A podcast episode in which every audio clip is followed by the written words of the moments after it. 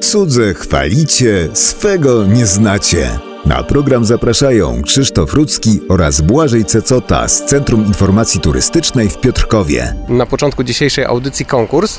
Uwaga, jesteśmy na skwerze Stanisława Strzednickiego i każdy teraz z mieszkańców Piotrkowa i może nie tylko Piotrkowa zastanawia się, czy wie, gdzie taki skwer jest.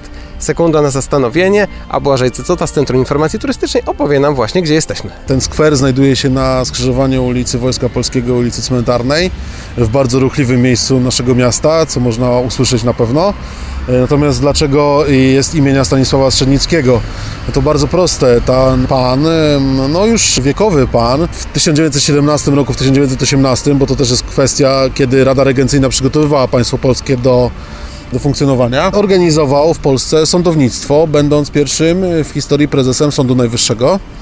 Dlaczego on został wybrany na prezesa Sądu Najwyższego? Oczywiście przede wszystkim ze względu na swoje kompetencje i na swoje wieloletnie doświadczenie. Natomiast trzeba pamiętać, że on jeszcze zaczynał swoją karierę sądowniczą w czasach, kiedy funkcjonowały pewne jeszcze elementy niezależnego, autonomicznego sądownictwa polskiego, Królestwa Polskiego, no, które zostały zlikwidowane w dużej części po powstaniu styczniowym i e, jakakolwiek autonomia Polski w stosunku do Imperium Rosyjskiego została wtedy zlikwidowana również sądowna.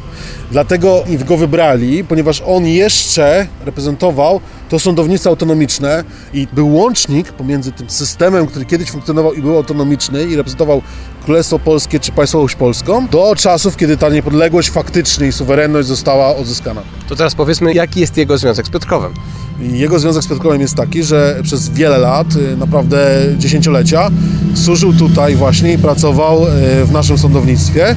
Oczywiście nie odmawiał obowiązku, natomiast prosił, y, żeby go zdjąć już y, z tego obowiązku ze względu na wiek. Więc kiedy został oddelegowany już na emeryturę z funkcji prezesa Sądu Najwyższego, no to wrócił do Piotrkowa, w Piotrkowie umarł i tutaj w Piotrkowie jest jego grób.